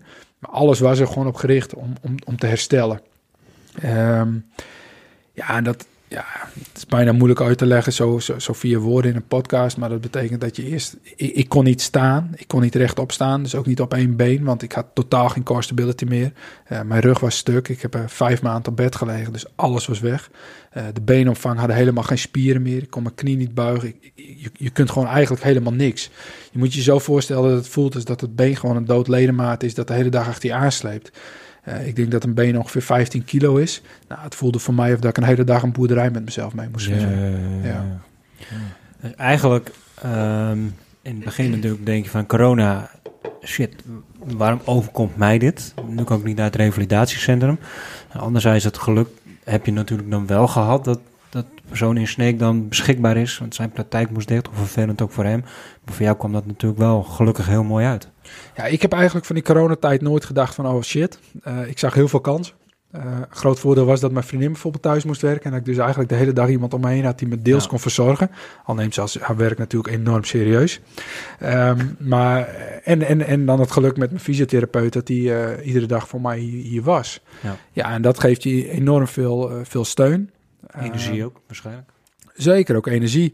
Aan de andere kant was verder ook niemand die hier langs kon komen. Dus mijn ouders kwamen niet langs, familie kwam niet langs, vrienden kwamen niet langs. Niemand mocht hier langskomen. Ja. Dus je was wel echt in je eigen wereldje. Ja, en dat maakte de dagen wel echt heel lang. Hè. Je zit s ochtends, uh, kom je uit bed, vriendin wast me. Uh, ik stap in een rolstoel. Uh, je gaat voor tv zitten, het is alleen maar corona-nieuws. Ja. Nou, dat is ook geen nee, zak aan. Deprimerend Ja. Want hoe was je nachtrust? Was, was die wel gewoon behoorlijk of was dat, had dat ook beperkingen? Nou, het had zeker wel wat beperkingen. Je kunt natuurlijk alleen op je rug slapen, terwijl ik helemaal niet een rugslaper ben. Um, maar ja, ik heb denk ik uh, zes maanden aan de morfine gezeten. En die morfine zorgt er ook wel voor dat je uh, s'avonds gewoon een beetje slaapt. Ik had langwerkende en kortwerkende morfine. En voor het slapen gaan heb ik nou nog een kortwerkende morfine. Ja. Ja, je hebt op een gegeven moment gewoon een heel ritme voor jezelf ontwikkeld... om die tijd toch door te komen. Je zit gewoon in overlevingsmodus. Ja. Als ik nu terugdenk, dan kan ik me niet voorstellen hoe ik het ooit heb gehad. Maar voor toen voelde het toch ook ergens wel weer redelijk normaal. Dus ja, het is gewoon bizar. Moest je daar ook dan weer van afkicken van die morfine? Nee. Nee, dat was echt gewoon... Uh... Ik heb op een gegeven moment tegen mezelf gezegd, nu wil ik gewoon geen morfine meer. En toen ben ik overgestaan op paracetamols en diclofenac en gewoon een normale ja. pijnstilling. Ja, en op een gegeven moment uh, nou, zitten we, gaan we even een stapje vooruit. Uh, zitten we in augustus en uh, dan staat er ook weer op Wielenfrits. We komen even bij. Voor ons ook mooi nieuws. René Hooghiemster heeft de kwaliteit van het leven bijna hersteld. En, en, en hoe, als we, dan, als we dan daar zijn, hoe was je op dat moment? In augustus? Ja, in augustus. Dus alweer een, even een stap verder. ik, je denk hebt dat, stuk... ik denk dat we een stap terug moeten zetten. Wanneer dacht je weer aan je fiets? Ja, ik heb begin mei, heb ik voor, nee, op een gegeven moment kwam een fysiotherapeut hier. En die zei, René, ik heb een verrassing voor je. Nou, ik denk, dit wordt vrij. Hij zei, je moet even mee naar buiten. Dus ik op krukken en met de rolstoel hier de, tra hier de trappen af en, uh, en naar buiten. Had hij een duo-fiets voor me meegenomen. Dus zeg maar zo'n bejaardenfiets waar je ernaast ja, je na ja, dat was gewoon al fantastisch. We hebben een rondje volgens mij gemaakt van 10 kilometer. Ik af en toe ook een beetje trappend, maar vooral hij trappend. Uh, op een gegeven moment zei hij, nou, ik trap even niet. En dan uh, was ik aan het trappen. Nou, helemaal in de beleving of dat we in de koers zaten. We hebben een rondje gedaan volgens mij van 8 kilometer. En ik heb daarna ben ik twee, weken, of twee dagen helemaal kapot geweest. Ja, ja, ja, Totaal los. Maar toch wel enorme plezier gehad van de fiets. En dat was ook wel het mooie, want mijn fysiotherapeut was vroeger ook wel fietser. Heeft ook op elite niveau gefietst. En die snapt ook gewoon hoe die mij moest uitdagen. En die honger naar die fiets is er continu geweest. Je moet je voorstellen, ik ben eerst in de CPM gegaan. Maar twee dagen later, na de laatste operatie of drie dagen later... had ik een soort van home trainer naast het bed staan in het ziekenhuis... waarop ik toch een bepaalde omwenteling kon maken. Ik kon absoluut niet een omwenteling maken van een normale fiets... maar daar hadden ze verkorte cranks opgezet. Ja, zo zijn we eigenlijk continu gewe bezig geweest... om toch die cyclusbeweging een beetje te maken... waardoor je die pezen oprekt en die spieren weer activeert. En dat is ook de de beweging die in mijn, in mijn hersenen natuurlijk het meest zijn, zijn ingeslepen. Want dat hebben we jarenlang gedaan en dat, dat herken je het snelst. Daarnaast is fietsen veel makkelijkere beweging om weer te trainen dan lopen. Want ik kon absoluut mijn been nog niet statisch belasten. Dus die, die fiets en die drang naar die fiets heeft daar natuurlijk enorm in geholpen. Ik kon veel eerder fietsen dan dat ik kon lopen. Dus ja, wat dat betreft... En ben je jezelf er nog eens wel voorbij gefietst? Om dan zo te zeggen van dat je sneller wou dan je eigenlijk kon? Nou, zeker die eerste keer al um, op die duelfiets. Dat je daarna twee weken kapot bent. Um, ik weet dat ik even later, een paar weken later, ben, was ik bij mijn vriendin, bij mijn schoonvader. Die had een elektrische mountainbike. En dat is de eerste keer dat ik echt weer uh, zelf ben gaan fietsen. Ja, ja, ja. Ik moest naast een container staan om erop te komen. Want ja, daar kon ik natuurlijk niet naartoe lopen. Bang? Nee, niet bang. Alleen... Um, was dat risico? Ja, kijk, ik kon natuurlijk... Stel, je moet remmen en, je, en ik, ik had op rechts moeten afstappen. Dat kon natuurlijk niet, want ik kon absoluut niet op dat been staan. Want er was nul coördinatie, nul spierkracht. En dat been was nog totaal verbrijzeld. Dus dat, dat ging niet. Ik, dan had ik geleund op het een plaat. tegen beter weten dat je ja, en, liefhebberij en Ja, beter weten weet ik niet. Ik weet wel dat ik toen wegreed op die elektrische fiets... en dat mijn vriendin even later er maar achteraan is gefietst... om te kijken waar ik bleef. Nou, toen heb ik een aantal rondjes gefietst. Ik denk dat het totaal misschien 10 of 15 kilometer was, maar... Ja, je moet je voorstellen, vooral het moeilijke was die kniehoek maken. Want die pezen en die spieren kunnen helemaal die hoek niet maken. Nou ja, dat was de eerste keer dat ik weer wat fietste. Um, nou, toen dat langzamerhand beter ging, toen hebben we uh, mijn mountainbike op de tax gezet. Uh, een beetje proberen te swiften. Ja, dan zie je ook voor het eerst wat voor vermogens je dus, dus kan trappen. Nou, twee keer niks natuurlijk.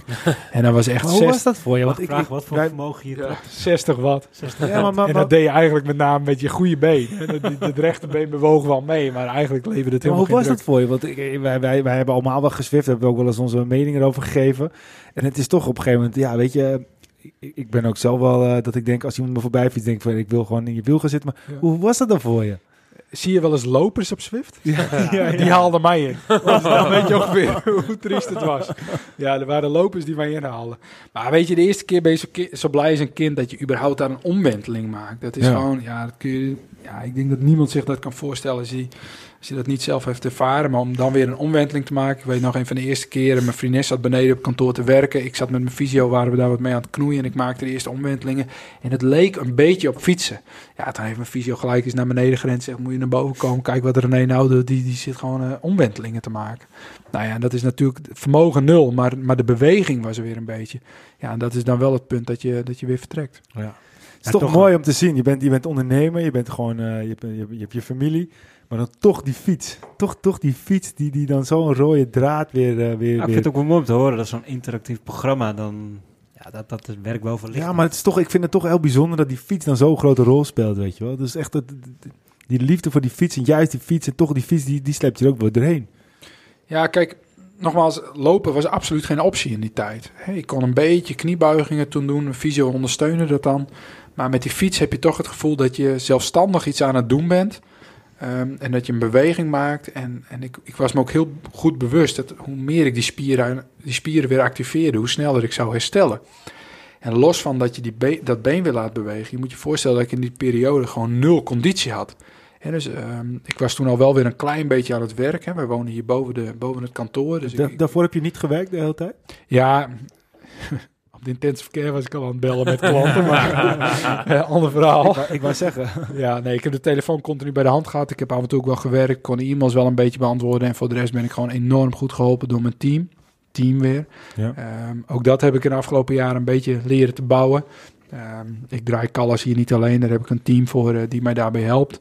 Uh, en die hebben mij toen onwijs goed ondersteund. Eh, zonder hun had ik absoluut niet een goed jaar kunnen draaien. En dit jaar draaien we eigenlijk toch gewoon een prima jaar, ondanks dat ik er vier, vijf maanden uit ben geweest. Dus dat kun je, dat kun je niet zonder team. Nee. Ehm, en ook in die periode was ik wel weer, uh, wel weer een beetje aan het werk. Dus je bent iedere dag met fysiotherapie bezig. Maar los van dat je de het been en de spieren wil, wil activeren, weer wil leren activeren. Ja, was gewoon ook mijn algehele conditie gewoon nul. Ja. En dus dat betekende, uh, je komt s ochtends uit bed, je doucht en dan ben je eigenlijk al kapot. Hè? Uh, dan ging ik s ochtends naar beneden een beetje werken en dan moest ik eigenlijk tussen de middag slapen. Dus dan ging ik weer naar boven. Na het eind van de middag dan kwam ik er weer af en dan gingen we eten. Dus je hebt een hele ander ritme dan normaal. En doordat je op een gegeven moment weer een beetje kan fietsen, uh, activeer je die spieren, maar je bouwt ook weer een klein beetje algehele conditie op om gewoon die dag weer door te kunnen komen. Ja, ja, ja, ja, Nou, en ja, als jij niet een fietser bent of dat niet leuk vindt en je had toch die algehele conditie weer wil, moeten opbouwen, dan zou ik niet weten hoe je dat had moeten doen. Ja, ja, ja. Dus ja, daarin is die fiets heel bepalend geweest. Wat ik me ook gewoon even afvraag, want ik vind het zelf altijd heel interessant. Je hebt volgens mij ook een, een horloge met die ook je hartslag. Ja. Wat, wat gebeurde er met je? Ben je iemand die altijd je rustpolsen zo in de gaten houdt? Ja. Wat gebeurde ermee? In welke fase? Nou ja, gewoon, ik ben gewoon benieuwd. Wat, wat, wat was hij voor het ongeluk? Nou ja, een ochtendpols onder 40 is, was geen uitzondering. En, en, en toen op een gegeven moment toen het gebeurd was... Uh... Ja, op intensive care ook. Ik was ochtends om vier uur was ik al wakker. Je had de hele dag piepjes om je heen. Ik had op een gegeven moment gelukkig wel een koptelefoon met noise cancelling op, ja. uh, op intensive care, zodat ik een beetje meer kon slapen.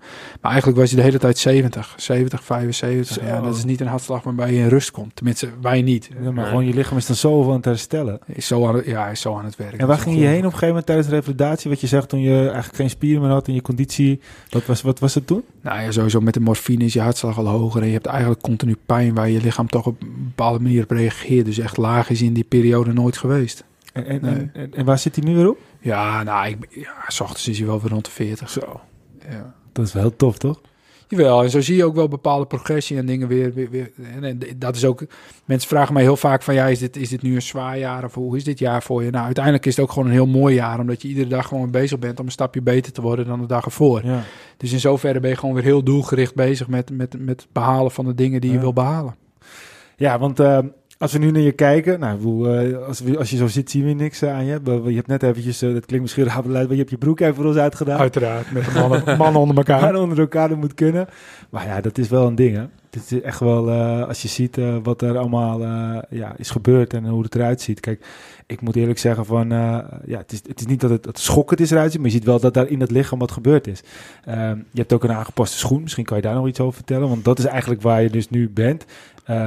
Ehm, misschien goed voor het luisteren om even uit te leggen van... dat was de trick van, van uh, herstellen. Je bent nu op een punt.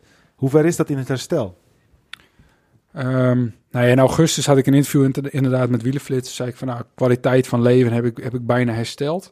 Uh, met kwaliteit van leven bedoel ik dat ik gewoon, ik, ik kan zelfstandig auto rijden, ik kan, ik, ik kan lopen, ik kan uh, bewegen, ik kan zelfstandig de dag doorkomen, ik kan sporten. Ik, ik, ik, voel me weer vrij man, om het zo maar te zeggen. Je bent eigenlijk niet meer afhankelijk van anderen. Ehm, aan de andere kant zijn er ook genoeg dingen die ik niet kan.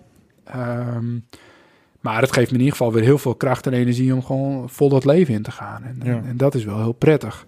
Ehm, wat je op dit moment, zeker als ik gewoon normale kleding aan heb, dan zie je uh, met name aan mijn rechterbeen dat mijn, uh, uh, mijn, mijn schoen is aangepast. Ik heb een 4 centimeter hogere zool. Um, wat gewoon best wel veel is. Ja, als ik op het moment dat ik die schoenen uit heb, dan, dan kan, ik, kan ik niet van nauwelijks lopen. Of, of ziet er in ieder geval heel mank uit.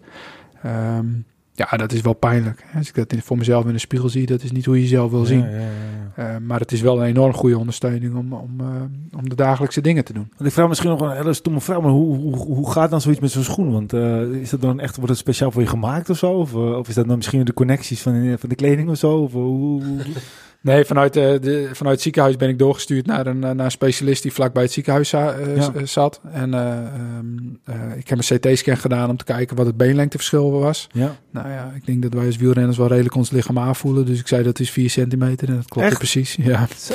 Dat ontdient elkaar niet zoveel, ondanks dat familie om me heen nog dacht, nou misschien is het maar twee. Nou, ja. ik zei echt niet.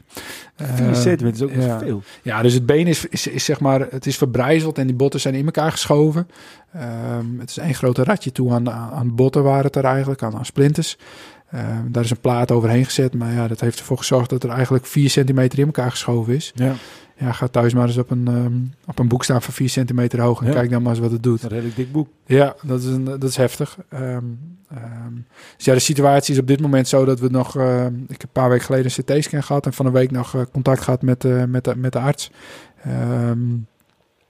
Mijn, mijn, mijn, onderrug, mijn nek is hersteld.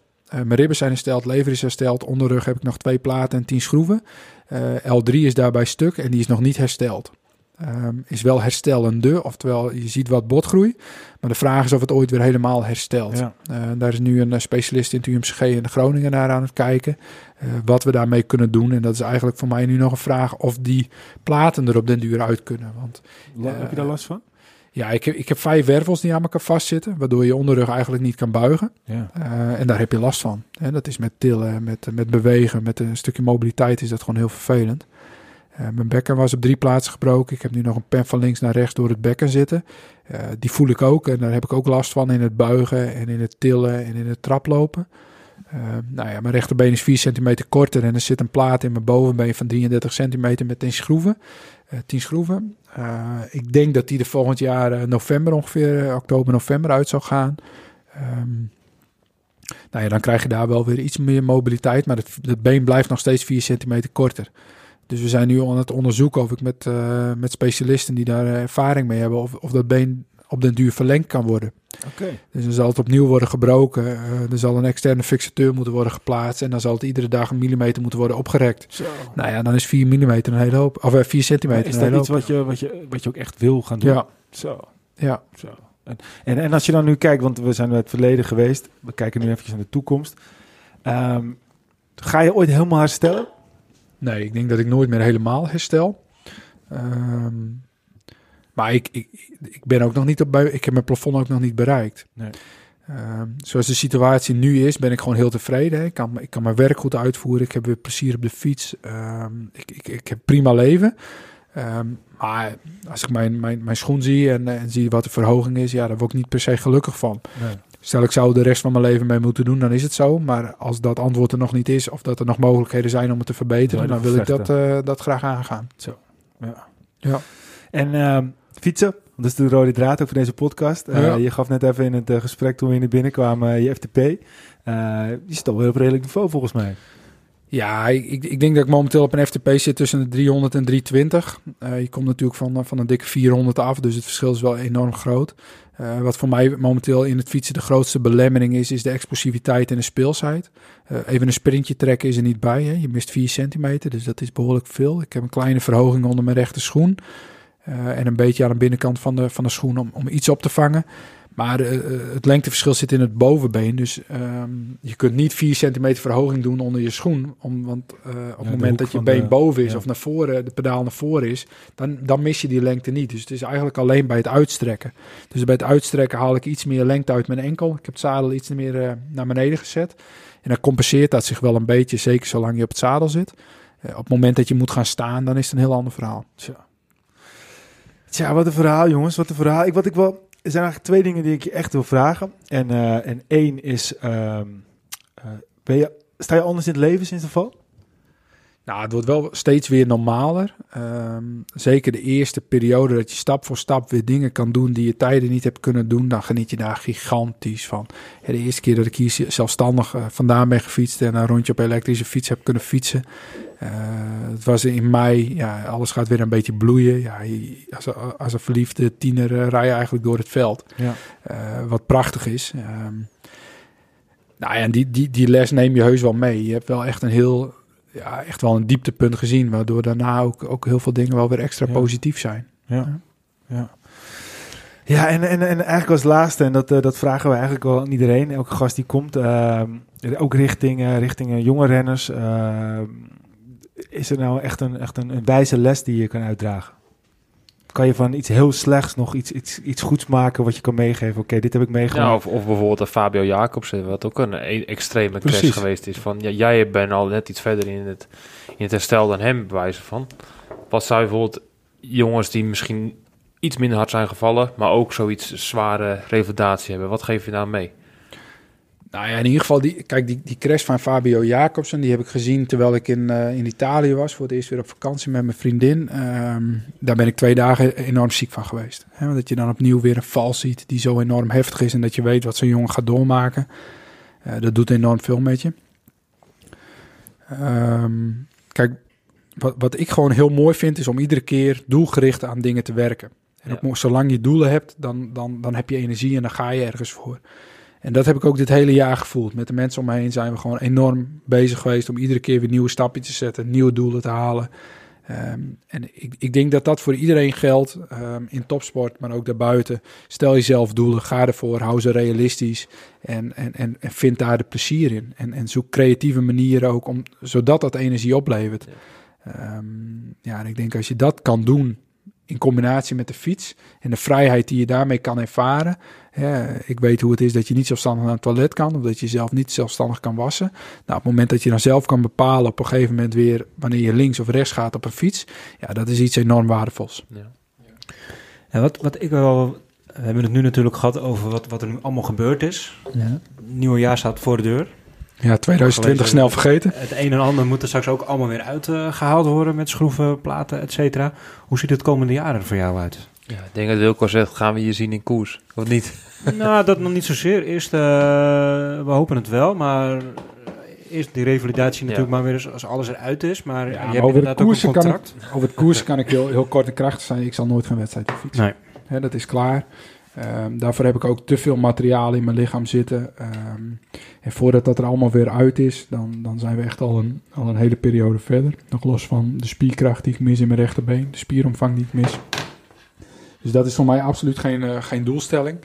Uh, ik heb mezelf wel een aantal andere doelen gesteld. Ik zou heel graag een Transalp fietsen op de mountainbike. Ik zou heel graag een, eh, een, een Strade Bianchi rijden of dat soort dingen. gravel. Ik, ja, gravel, een beetje Gran Fondo. ik wil het plezier wat ik heb gehad altijd in fietsen, dat wil ik zeker niet kwijt. Uh, daar wil ik ook mijn doelen in blijven stellen, omdat ik dan ook gewoon weet dat ik gericht bezig ben om fit te zijn. En die fitheid heb ik gewoon ook nodig als mens. Niet, niet per se omdat je nu in een revalidatie zit, maar um, op, dat, dat, geldt nu ook alweer. Als ik een week volle bak werk en ik werk echt een hoop, ik ben s'avonds veel weg en ik fiets niet, dan ben ik gewoon minder productief. Ja. En als ik in diezelfde week toch een paar momenten voor mezelf vrij plan om wel te fietsen, dan ben ik gewoon productiever. Dus in zoverre heb ik die fiets ook gewoon nodig. En dan moet je creatief zijn om die fiets ook leuk te blijven vinden. Dat moet niet een moeten worden, maar dat moet een pleziertje zijn. Ja, wat werkt dan beter dan gewoon leuke stippen aan de horizon zetten en daar naartoe te werken? Ja, mooi gezegd. Heel mooi gezegd. René, uh, wij kennen elkaar niet, ook niet voor het gesprek, maar ik moet zeggen, ik vind je echt een fantastisch mooi mens. En dat mag ook soms wel eens gezegd worden, uh, vind ik. En uh, hoe jij in het leven staat en hoe jij van iets heel slechts ja, sowieso uh, ja, niet iets moois, maar hoe, maar hoe je het hebt omgeschaald en wat je ervan gemaakt hebt. En ook hoe je in, in het eerste gedeelte wat je vertelde, dat je, dat je zo positief in het leven Ik denk dat het voor heel veel mensen een, uh, een voorbeeld is. En uh, ik vind het gewoon echt een hele grote eer dat je je hele verhaal zo bij ons hebt eventjes willen vertellen. Ja, wat, wat het mooiste is, sowieso heel veel respect voor inderdaad. Maar ook gewoon als we het bijvoorbeeld naar onszelf terugkoppelen. Nou, jij hebt het gehad, ik heb het gehad. We hebben allebei ons kruisbandprobleempjes uh, gehad met afgescheurde kruisbanden. Als je het andere verhaal niet kent, dan, dan zit je voor jezelf ook wel uh, in een dip, zeg maar. Maar als je dan dit weer hoort, hoeveel power, hoeveel kracht, uh, hoeveel motivatie uh, je hieruit haalt. Ja, maar hoeveel ik dat, dit jaar heb... voor iedereen. Uh, ja, maar hoeveel ik dat dit jaar heb gehoord heb van, goh, ja, in vergelijking met jou is het niks. Ja, nee, dat vind ik de grootste... Nee, nee ik snap wel, meer snap de, de power die jij uitstraalt. meer wat een mens aan kan, dat is, dat is gewoon ja. bijzonder. Ja, het zit echt in mindset en het zit in doelen stellen. En of dat nu een kruisband is, of dat dat het letsel is wat ik heb, of dat het een griepje is, of wat het dan ook maar is, het gaat gewoon om die mindset. En als je die mindset positief weet te krijgen, dan ga je gewoon vooruit. Precies, en dat is wat, wat ik bedoel inderdaad. Als je, wat je net ook vertelde, je moet, een, je moet een punt zoeken en daar moet je naartoe gaan. En wat dat letsel of, of wat dan ook, ook mag zijn, er is altijd hoop. Zolang je er maar voor vecht. Zolang je er maar voor strijdt. Ja, zeker, zeker. En uh, ik vond het bijzonder. Uh, ik, uh, nogmaals, wil je, wil je echt bedanken dat je het verhaal hebt gedaan. Ik hoop dat heel veel mensen, niet alleen die van wielrennen houden, maar ook andere mensen die, uh, die, uh, ja, die iets hebben of uh, die moeten vechten of die een hele lange revalidatie voor de ploeg hebben, dat die daar gewoon ook heel veel steun aan hebben. En ja, dan, dan, dan zie je, hoop ik dat er uit iets slechts tot nog iets heel goeds ontstaat. Ja, wat mij heel tof lijkt, als we over een jaar, twee, drie jaar elkaar nog een keer treffen. Misschien dat we gezamenlijk een hele toffe fietsrit hebben gemaakt. En dan en gaan praten over hoe zitten we er nu in. Dat lijkt me heel tof. Nee, ik ben, dat meen ik oprecht. Ik hoop gewoon dat een heel hoop mensen gewoon heel veel plezier uit de fietsport halen. Want ik weet gewoon zeker, het is zo'n meter van het leven. Daar kun je zoveel energie uit halen. Dat is het gewoon waard. Ja, dat is het zeker. Amen. Laatste woord was dat zeker Peter. Normaal vragen we ook wat is het laatste woord, maar ik denk dat dat het alle... Wilco? Ja, hier hebben we echt helemaal niks aan toe te voegen. Uh, nogmaals, ik heb echt heel veel respect voor je. En uh, ik vond het een, een, een, waanzinnig mooi verhaal. Uh, met hoogtepunten en dieptepunten. Ja.